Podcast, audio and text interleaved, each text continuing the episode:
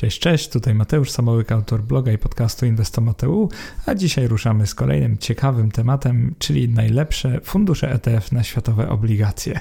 Cały rynek długu w jednym ETF-ie, czyli maksymalne uproszczenie sobie życia, jeżeli chodzi o część obligacyjną portfela. Ten temat według mnie jest niezwykle ciekawy i również inwestycja w takie fundusze może być bardzo atrakcyjna dla inwestora, który ceni sobie przede wszystkim prostotę, ponieważ gdy mamy cały rynek długu w jednym ETF-ie, to tak naprawdę całą część obligacyjną możemy załatwić właśnie takim funduszem. Nie musimy tutaj wybierać już osobno ETF-ów na obligacje skarbowe, korporacyjne, nie musimy wybierać ETF-ów na tak zwane skarbówki USA lub skarbówki państw eurozony lub nawet polskiej skarbówki. Możemy kupić po prostu jeden fundusz ETF i tym samym mieć załatwione wszystko. I teraz, jeżeli chodzi o inwestowanie w ogóle w obligacje zagraniczne, to jest taka dość popularna opinia, że nie powinno się tego robić, ponieważ ryzyko walutowe jest tutaj w krótkim terminie, zwłaszcza wyższe od możliwych do otrzymania odsetek. I tak naprawdę w tym jest sporo prawdy, ale też jest sporo fałszu, ponieważ jeżeli prowadzimy ten portfel przez wiele, wiele lat, to ryzyko walutowe oczywiście nie jest tutaj takie istotne.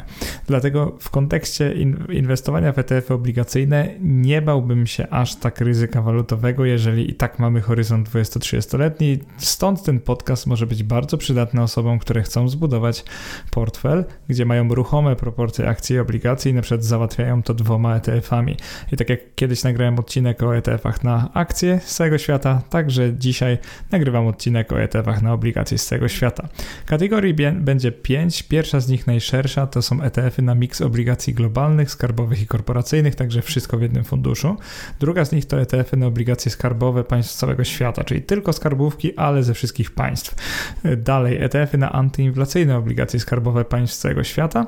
Kolejno ETF-y na obligacje korporacyjne firm z całego świata oraz ETF-y na obligacje korporacyjne wysokiego ryzyka, high yield tak zwane, firm z całego świata. Także mamy jeden agregat, wszystkie obligacje, dwa ETF-y, właściwie dwa porównania ETF-ów na obligacje skarbowe oraz dwa porównania ETF-ów na obligacje korporacyjne.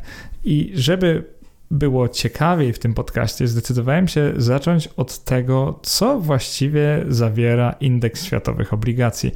I wydaje mi się, że to będzie najciekawsza część tego podcastu, ponieważ sam nie byłem świadomy tylu rzeczy, ilu jestem teraz, dlatego przedstawię Wam analizę indeksu Bloomberg Global Aggregate Bond, czyli tak w wolnym tłumaczeniu indeksu obligacji z całego świata. W chwili obecnej, czyli w trzecim kwartale roku 2022, aż 78,2% jego portfela to obligacje skarbowe. To jest bardzo istotne. Kolejne 2,7% to obligacje komunalne i tutaj łącznie już mamy prawie 81% obligacji rządowych lub komunalnych, czyli rządowych lub samorządowych. Oznacza to, że kupując obligacje z całego świata, tak naprawdę kupujemy w ogromnej większości obligacje skarbowe. Co zresztą ma sens, ale do tego zaraz wrócimy. Co zatem jest w portfelu tego ETF-a poza obligacjami skarbowymi i komunalnymi? Oczywiście obligacje korporacyjne, które stanowią tutaj tutaj 19%. Dość niewiele. Pierwszy ważny fakt jest tu dość niewiele obligacji korporacyjnych, także coś do zapamiętania. I teraz druga kwestia. Jeżeli chodzi o taką wielką przewagę obligacji skarbowych, to jak myślicie, dlaczego przewaga jest aż taka ogromna? No przede wszystkim dlatego, że państwa pożyczają dużo więcej pieniędzy niż firmy. To jest całkiem logiczne. Już nie chodzi nawet o to, że w niektórych krajach rynek długu korporacyjnego nie jest rozwinięty, na przykład tak jak w Stanach Zjednoczonych, a o to, że po prostu potrzeby państw i też budżety państw są o wiele sumarycznie większe niż potrzeby i budżety poszczególnych firm. To jest takie całkiem logiczne, ale jak się na tym zastanowić, dopiero po chwili staje się tak bardzo logiczne. I teraz wchodzimy poziom niżej i dowiadujemy się, że wśród tych obligacji skarbowych i komunalnych, czyli tak jak powiedziałem 81% tego indeksu, oczywiście Stany Zjednoczone przeważają, ale to jest 38%, kolejno Japonia 15%, Francja około 5%, Niemcy około 4%, Wielka Brytania około 4%, Włochy około 3%, Hiszpania około 2%, tam dalej mamy inne rynki rozwinięte, to jest łącznie 12% i ciekawostka, rynki wschodzące to jest tutaj trochę więcej niż w indeksie akcji, bo to jest jakieś 16%, Chiny przeważają przeważają, bo z całości to jest aż 10,6%, a inne rynki wschodzące 5,5%. Z tego wszystkiego Polska, no niestety, niestety 0,2%. 30%. Na samym końcu praktycznie bardzo mały udział w tym indeksie to jest Polska. Ciekawostka jest taka, że no cóż, to i tak jest większy udział niż w indeksie akcji światowych. Oczywiście zależy kiedy sprawdzimy, natomiast wy wygląda to, że nasz kraj wyemitował proporcjonalnie więcej długu w tym indeksie światowych obligacji e, do tego, ile warte są nasze polskie akcje w tej chwili. I teraz, jeżeli zanurkujemy poziom niżej, ale w obligacje korporacyjne, czyli przypomnę te 19% indeksu, to się dowiemy, że tutaj już Stany Zjednoczone zdecydowanie dominują, ponieważ firmy amerykańskie to aż 61% tego indeksu, czyli bardzo wiele. Kolejno mamy Wielką Brytanię około 9%, Francję około 8%, Kanadę około 7%, Szwajcarię około 4%, Hiszpanię, Japonię po 2,5%, tak mniej więcej, Australię i Szwecję trochę mniej. I tak naprawdę tam jest jeszcze Belgia i Dania i tutaj kończy się w ogóle lista krajów, w których obligacje korporacyjne, właściwie których firm obligacje korporacyjne znajdują się w tym indeksie, co dla niektórych może się wydawać dość zadziwiające, no bo już na pierwszy rzut oka widać, że mamy tutaj tylko i wyłącznie rynki rozwinięte. Także nie ma tu zbyt wielu y, narodowości, zbyt wielu walut tych obligacji korporacyjnych, co warto mieć na uwadze. Dlaczego tak jest, to w skrócie opisałbym w ten sposób, że autorzy indeksu, czyli w tym przypadku firma Bloomberg, wybierają te bezpieczniejsze obligacje korporacyjne, a jednak w światowej nomenklaturze bezpieczniejsze oznacza z tych stabilniejszych państw, tych większych firm, więc siłą rzeczy będą to głównie rynki rozwinięte, więc w tym indeksie nie znajdziemy na przykład w ogóle polskich obligacji korporacyjnych, mam na myśli obligacji korporacyjnych polskich firm. To jest dość ciekawe. Jak już jesteśmy przy korporacyjnych, no to sprawdźmy też, jakiego rodzaju firmy emitują obligacje, i tam jest dość równomiernie, jeżeli chodzi o proporcje, bo na dwóch pierwszych miejscach mamy branżę finansową i produkcyjną, to jest 32% i 26%. Mówię tutaj tylko o części korporacyjnej, czyli przypominam, 19% tak indeksu, yy, tylko i wyłącznie. Następnie mamy branżę technologiczną 13,5%, energetyczną 13,4%, nieruchomościową 11,9% i transportową 2,8%. 8. Tutaj największą ciekawostką jest y, dysproporcja, którą mamy w polskim, na polskim rynku katalyst, jeżeli chodzi o obligacje korporacyjne, ponieważ tam branża nieruchomościowa, nie wiem czy jeszcze pamiętacie z innego z moich podcastów, ale to jest o wiele, wiele więcej. Prawie połowa całego, jakbyśmy zrobili indeks obligacji korporacyjnych, byłaby to prawie połowa. W tym przypadku na świecie jest to już dużo mniej, 12%, nie jest to wcale tak wiele. Trochę nie dziwi to, że branża finansowa wygrywa, ponieważ tam są też banki hipoteczne, e, zwykłe banki, ubezpieczycielnie. Tak naprawdę to jest ogromna, szeroka branża, która już tradycyjnie finansuje się obligacjami korporacyjnymi.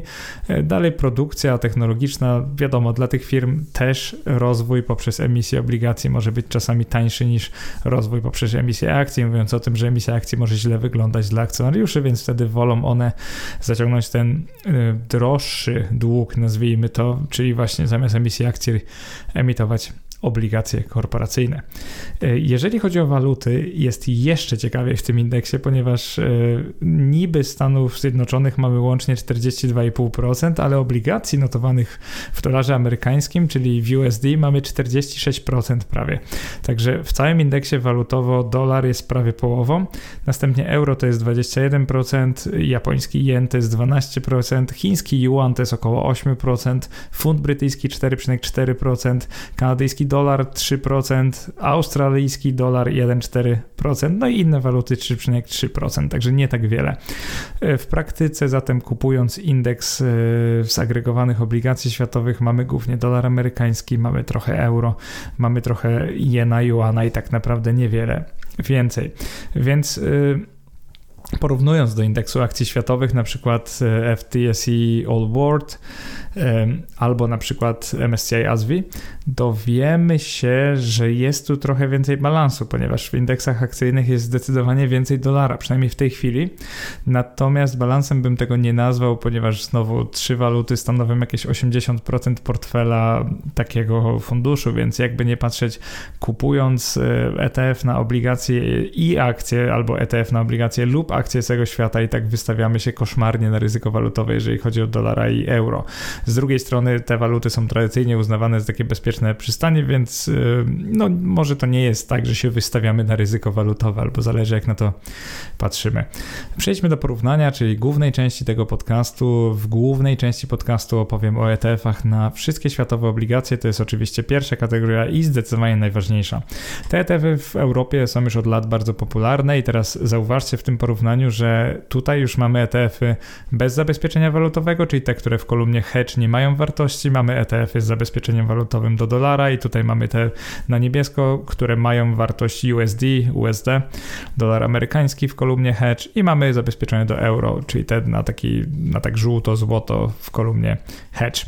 Teraz tak, jeżeli chodzi o ETF-y, o największych aktywach, Mamy ich 5, z czego aż 3 są od iShares i tutaj właśnie będzie dużo ETF-ów od tych samych dostawców, ponieważ mamy zwykle wersję e, zwykłą, mamy wersję hedgeowaną do dolara, mamy wersję hedgeowaną do euro, jeszcze mamy wersję accumulating i distributing, także tak będzie niestety bardzo często w dzisiejszym podcaście. E, pięć największych ETF-ów, trzy od iShares, e, dwa pierwsze i czwarty z czego ciekawostka, że pierwsze dwa są zabezpieczone walutowo do dolara i euro, czwarty nie jest zabezpieczony walutowo do niczego, ale też jest droższy od tych funduszy, w sensie prawdziwych wyników, czyli tracking difference.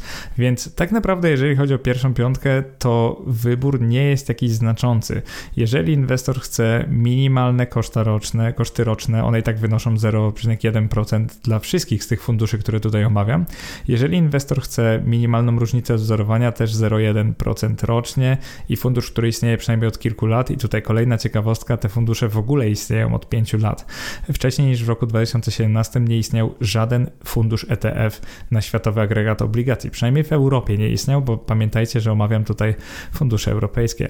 I wracając do tej ciekawostki, tak naprawdę inwestor, jeżeli chce możliwie tani fundusz, to musi wybrać albo zahedżowany do dolara, albo zahedżowany do euro. I co to znaczy? To znaczy, że w jego składzie jest wtedy de facto nie na przykład 40% dolara, dolara, a sam dolar amerykański. I podobnie z euro, że po prostu wszystkie obligacje w składzie y, mają tak jakby zabezpieczenie walutowe y, przeciwko zmianom wobec euro. Więc tak jakbyśmy kupowali dane oprocentowanie, ale w walucie euro, czyli ryzykujemy wtedy walutowo y, całościowo wobec danej waluty. Czy mi się to podoba? No, kupując światowy agregat obligacji, podobnie jak w przypadku akcji, wolałbym kupować fundusz bez takiego hedge'a, więc porównując te fundusze, zdecydowanie najlepszy jest iShares Core, Core Global Aggregate Bond, bez zabezpieczenia walutowego. E, ten fundusz dla tych, którzy są zainteresowani, na szczęście jest dostępny w BOŚ i w XTB, także da się go jak najbardziej kupić. Jest rodzaju distributing. I teraz kolejna ciekawostka jest taka, że mamy niestety tylko jeden fundusz rodzaju accumulating na światowe obligacje, który nie ma hedge'a walutowego i to jest e, fundusz Amundi Index Global Aggregate Bond. On zdecydowanie przegrywa pod względem wartości aktywów, ponieważ ma ich tylko 57 milionów, a zwycięzca ma na przykład 2 miliardy euro, więc wyobraźcie sobie, że różnica jest kolosalna, ale jeżeli ktoś chce mieć fundusz o dobrych wynikach, bardzo niskim tracking difference wynoszącym 3% rodzaju accumulating, to tak naprawdę musi wybrać Amundi Index Global Aggregate Bond. Także nie ma tu jednego oczywistego zwycięzcy, ale te dwa fundusze, które o których opowiedziałem, nie są zabezpieczone walutowo. Jeżeli chcecie fundusz zabezpieczony walutowo, to jest tu trochę prościej, ponieważ każda kategoria ma oczywistego zwycięzcę i tak naprawdę powiedziałbym, że są nimi dwa pierwsze, czyli największe fundusze iShares Core Global Aggregate Bond, jeden ma w nazwie USD, drugi ma Euro, Euro Hedge, więc w ten sposób je znajdziecie. Teraz tak, przechodząc do dostępności tych funduszy właśnie z pierwszego zestawienia, czyli agregatu zbioru światowych obligacji skarbowych i korporacyjnych w jednym funduszu, to dostępność ich jest całkiem szeroka. W polskich domach maklerskich na szczęście. E, w domu maklerskim BOŚ znajdziemy aż pięć różnych funduszy, z czego w większości te od iShares i Vanguarda, właściwie wszystkie są od iShares i Vanguarda. W mBanku znajdziemy tylko jeden taki fundusz, to jest ten hedżowany do euro. W XTB znajdziemy trzy fundusze i to jest właśnie bez hedża, z hedżem do euro i z do dolara, te iSharesy główne, więc w każdym z domów maklerskich kupimy fundusz, który powinien spełniać powiedzmy wybraną przez nas funkcję, no z jednym wyjątkiem w banku jest ich mniej i mamy tylko ten hedżowany do euro, co niekoniecznie może być pozytywem dla wszystkich Was. Druga kategoria, płynnie przechodzimy, to ETF na światowe obligacje skarbowe. Tutaj znowu konkurencja jest ogromna, funduszy mamy więcej niż 10, ale jeżeli chodzi o aktywa, tak naprawdę tutaj wyróżnia się kilka funduszy. Pierwszy jak zwykle prawie jest od iShares, drugi od Extracash, trzeci od e, Amundi. E, aktywa pierwszego i drugiego funduszu są prawie równe, około miliarda euro, więc tutaj mamy dość wyrównaną konkurencję. Obydwa istnieją od 2008 lub 2009 roku. E, niestety lub stety dla niektórych ten drugi, czyli Extrackers ma hedge, zabezpieczenie walutowe do euro. Jeżeli chodzi o światowe obligacje skarbowe, to jest ono takie dość sztuczne, bo przypominam, że w tej grupie akurat e, USA znowu góruje, wygrywa, tam jest najwięcej dolara, więc jeżeli hedżujemy do euro, to mamy takie powiedzmy sztuczne ryzyko walutowe wobec e, tylko jednej waluty, jaką jest europejska waluta wspólna. Nie mamy ryzyka walutowego wobec wielu walut, co czasami jest oczywiście pożądane, żeby mieć jakąś tam dystrybucję, rozłożenie w indeksie. Teraz tak, jeżeli chodzi o wyniki, no to tutaj zwycięzca wśród tych dużych funduszy może być tylko jeden i to jest indeks e, Amundi JP Morgan Global Government Bonds. E, aktywa dość spore, 400 milionów euro, total expense ratio 0,20, czyli znowu no, wysokie, ale wśród tych większych funduszy one ni niestety już takie są. E, tracking difference bardzo poprawne, 0,13% rocznie, istnieje od 5 lat typ accumulating, także taki najbardziej wszechstronny ze wszystkich funduszy z tego zestawienia i w pewnym sensie zwycięzca, ponieważ jednak pod względem wyników odstaje w pozytywnym sensie od tych dwóch pierwszych funduszy. Teraz, co jest bardzo ciekawe w tym porównaniu, chciałem wspomnieć o trzech najmniejszych funduszach, takich, które powstały dopiero w latach 2019-2020. E, dwa są od Amundi, jeden od Lixora, e, te fundusze notują lepsze wyniki niż te największe. Niestety mają no, drastycznie najniższe aktywa, to jest odpowiednio 26 milionów euro, 3 miliony euro i 1 milion euro, więc te dwa ostatnie w ogóle zapomnijcie o inwestycji w nie, ponieważ w każdej chwili mogą być wycofane, przynajmniej tak to wygląda w tej chwili. No ten pierwszy 26 milionów euro to też, no czasami fundusze o tej wielkości aktywów istnieją przez lata, czasami są wycofywane dosłownie overnight, czyli wiecie, z dnia na dzień. E, mimo wszystko te fundusze pobijają wynikami te pierwsze, co jest tym bardziej ciekawe, tym ciekawsze, więc można się im przyjrzeć, ale czy sugerowałbym, ich zakup to raczej nie. Jeżeli chodzi o dostępność funduszy na globalne obligacje skarbowe, te zwykłe, stałoprocentowe, no nie jest ich wiele. W BOŚ kupimy dwa z tych funduszy, w mBanku również kupimy dwa z tych funduszy, więc ten wybór jest mocno ograniczony. Tych takich najmniejszych nie kupimy nigdzie. W mBanku po prostu możemy kupić dwa największe, czyli jeden jest bez hedge'a, ale distributing, ten największy od iShares, drugi jest z hedge'em walutowym, ale od Extrackers, ten accumulating. W BOŚ kupimy trochę mniejsze fundusze, tam jest ten X-Trackers Government Bond, on jest dość, e, ma dość kiepskie wyniki, 0,23% rocznie tracking difference i od iSharesa jeden z tych mniejszych funduszy, ale dość prosty w konstrukcji, ponieważ typu accumulating, wyniki takie przeciętne.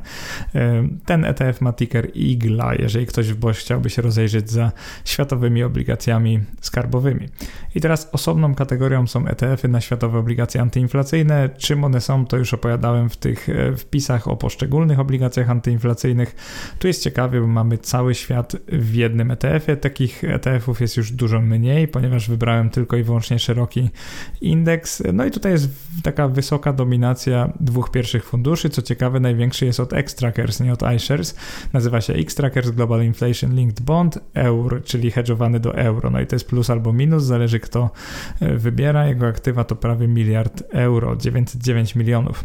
Total Expense Ratio 0,25, Tracking Difference 0,20 23%. Istnieje od ponad 15 lat, czyli naprawdę nieźle i typ accumulating. I osobiście wolę ten drugi fundusz, czyli iShares Global Inflation Linked Government Bond, ponieważ aktywa ma tylko nieco niższe 750 milionów euro. Total expense ratio jest znacząco niższe 0,20% rocznie i tracking difference jest też trochę niższe 0,20% rocznie i jeszcze istnieje od 15 lat. Więc ten ETF drugi właśnie od iShares jest takim domyślnym ETF-em, jeżeli ktoś chce globalne obligacje antyinflacyjne, powinien się właśnie zainteresować nim. Jego tickery to na London Stock Exchange to jest IGIL oraz SGIL, na Xetrze, czyli giełdzie niemieckiej jest to IUS 5. E, kojarzę, że niektórzy czytelnicy, czytelniczki pytały mnie już o ten ETF i właśnie wygląda na to z tego porównania, że on jest najbardziej wszechstronny i taki jakby ma wszystkie zalety, których szukamy w rankingach ETF-ów, więc nie szukałbym dalej. Jeżeli ktoś chce bez hedge'a obligacje antyinflacyjne z całego świata, czyli w tych oryginalnych walutach, jeszcze typ accumulating i niezłe wyniki, to tak naprawdę nie musi już szukać dalej, może wybrać ten fundusz, zwłaszcza, że są dostępny w BOŚ i w mBanku. Akurat takich ETF-ów w tej chwili na XTB nie ma w ogóle, no ale może po opublikowaniu tego rankingu dodadzą niektóre z nich, bo niektórzy mogą być oczywiście nimi zainteresowani. Przechodzimy do części e, korporacyjnej tego rankingu, czyli ETF-y na światowe obligacje korporacyjne. Zaczynamy od tych ogólnych. Teraz czym się różni pierwsza kategoria korporacyjna od drugiej? E, ta pierwsza agreguje takie bezpieczniejsze obligacje korporacyjne, a ta druga mniej bezpieczne, czyli high yield albo też fallen angels. Zaraz wyjaśnię te kategorie. Zacznijmy od tej bezpieczniejszej, czyli zwykłe obligacje korporacyjne z całego świata. Tutaj naprawdę jest trudno dokonać jednoznacznego porównania, ale na szczęście pomagają nam niskie e, koszty jednego z tych funduszy. Największe dwa są od iShares. Jeden ma hedge do euro, drugi go nie ma. Powstały praktycznie w tym samym roku, mają bardzo podobne wyniki i bardzo podobne aktywa. Oczywiście lepiej posiadać ten niehedżowany do euro, ponieważ jest on też tańszy, przynajmniej na papierze ma koszty wynoszące 0,20% rocznie wobec 0,25% rocznie tego iShares Global Corporate Bond Euro. Więc ten drugi na liście pod względem wielkości wydaje się tutaj lepszy. Prawdziwą ciekawostką jest fundusz trzeci, czyli SPDR Refinitiv Global Convertible Bond, ponieważ on zachowuje się zupełnie inaczej od innych tutaj funduszy. Convertible Bond, jeżeli nie słyszeliście o nich, to są e, obligacje zamienne na akcje, można je wymienić na akcje w pewnych warunkach, jeżeli firma sobie radzi w jakiś tam określony sposób, to jest często w ich warunkach wypisane. Ten ETF ma bardzo niski tracking difference, mimo że błąd odwzorowania ma bardzo wysoki w każdym roku, także bardzo ciekawie mi się go analizowało, bo jego wyniki no, nie za bardzo podążają za indeksem, albo są takie trochę opóźnione, przez co ten wynik z każdego roku jest daleki benchmarku, ale jak sobie uśrednimy, no to tracking difference jest prawie prawie żadne, także udaje mu się osiągnąć wyniki podobne do indeksu. Istnieje od 2014 roku, na papierze ma bardzo wysokie opłaty 0,50%, więc czy bym tutaj sugerował taką inwestycję? Raczej nie, więc raczej bym wybrał ten drugi ETF od iShares, ten prostszy. No jedna uwaga, że jest on typu distributing. Wśród kolejnych funduszy tego typu prawie wszystkie są zabezpieczone walutowo, a tutaj tym bardziej nie wiem, czy chcecie być zabezpieczeni walutowo. Ostatni z nich e, to jest też młody fundusz, od roku 2018 istnieje, to jest po prostu wersja accumulating, iShares Global Corp Corporate Bond. Y, dobre opłaty, ponieważ 0,20% w tej kategorii jest bardzo dobre. Tracking difference trochę wyższy, niestety 0,27%. Jeżeli chodzi o dostępność, no to w DM Boś mamy zarówno ten największy od iShares oraz ten mniejszy, czy accumulating. Mówię o ETF-ach bez hedge'a walutowego oraz ten SPDR Global Refinitiv Global Convertible Bonds. Także jako ciekawostkę jego można kupić w DM Boś. Jeżeli chodzi o biuro maklerskie banku iShares oraz SPDR, jeżeli chodzi o XTB mamy ten pierwszy iShares Distributing, właśnie szeroki. Indeks nie mamy jego wersji accumulating, także z dostępnością jest całkiem dobrze. No i teraz na końcu taka kategoria funduszy dość bliska memu sercu, bo przez e, jakiś czas, e, powiem bez ogródek, inwestowałem w takie fundusze.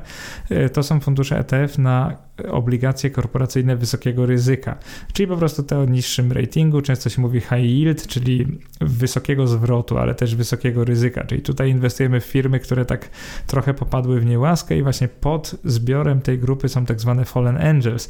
To są firmy, które kiedyś miały wysokie ratingi obligacji, czyli kiedyś były kredytowo mocne, natomiast teraz przestały już być.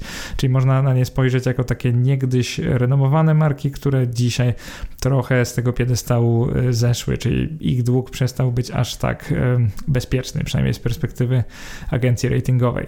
E, w tej kategorii znowu wygrywają iShares, ale tutaj jest ekstremalnie, ponieważ największe sześć funduszy to są fundusze od iShares i tak naprawdę cała konkurencja to już są fundusze dość malutkie. Tam dwa od JP Morgan, jeden od Van Act, od Van. Także no tutaj za bardzo nie ma czego porównywać. Bardziej jako ciekawostkę publikuję też ta, także tę kategorię.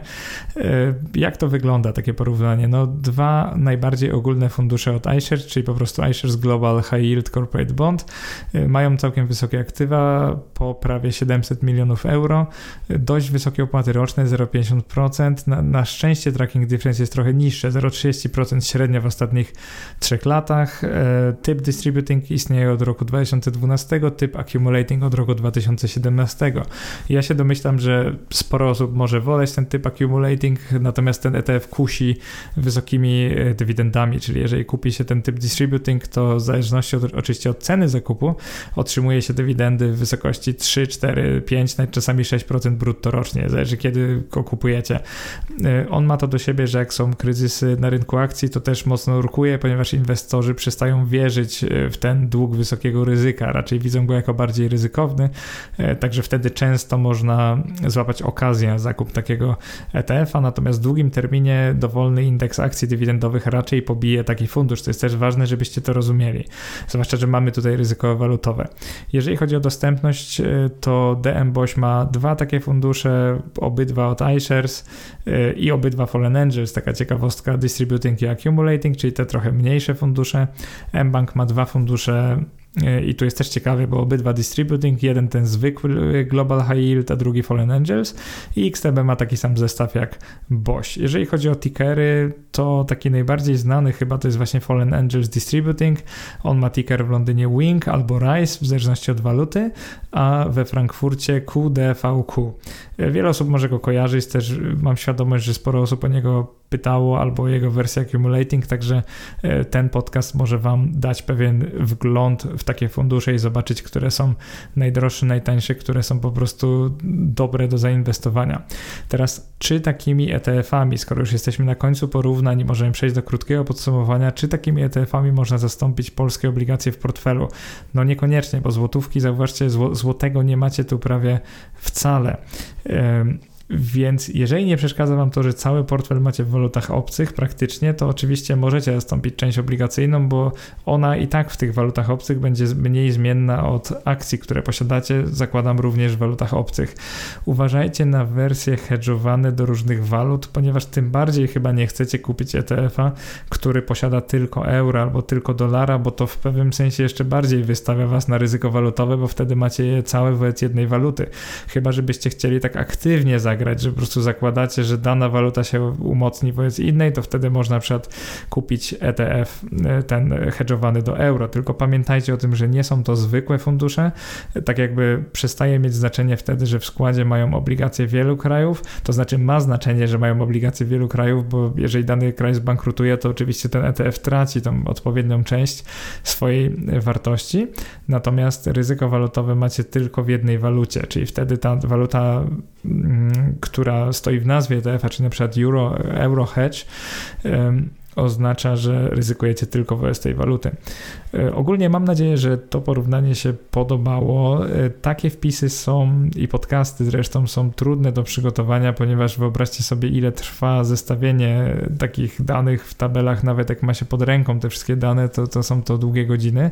E, ten podcast powinien być bardziej przydatny od tych na obligacje USA i obligacje europejskie, ponieważ uważam, że większość osób może woleć prostszą e, inwestycje właśnie w takie agregaty, a nie w wybrane państwa, raczej dług wybranych państw, więc wydaje mi się, że pod względem przydatności tutaj przebiliśmy e, te poprzednie e, podcasty, czy tam wydane jakiś czas temu właśnie o obligacjach z USA oraz obligacjach europejskich.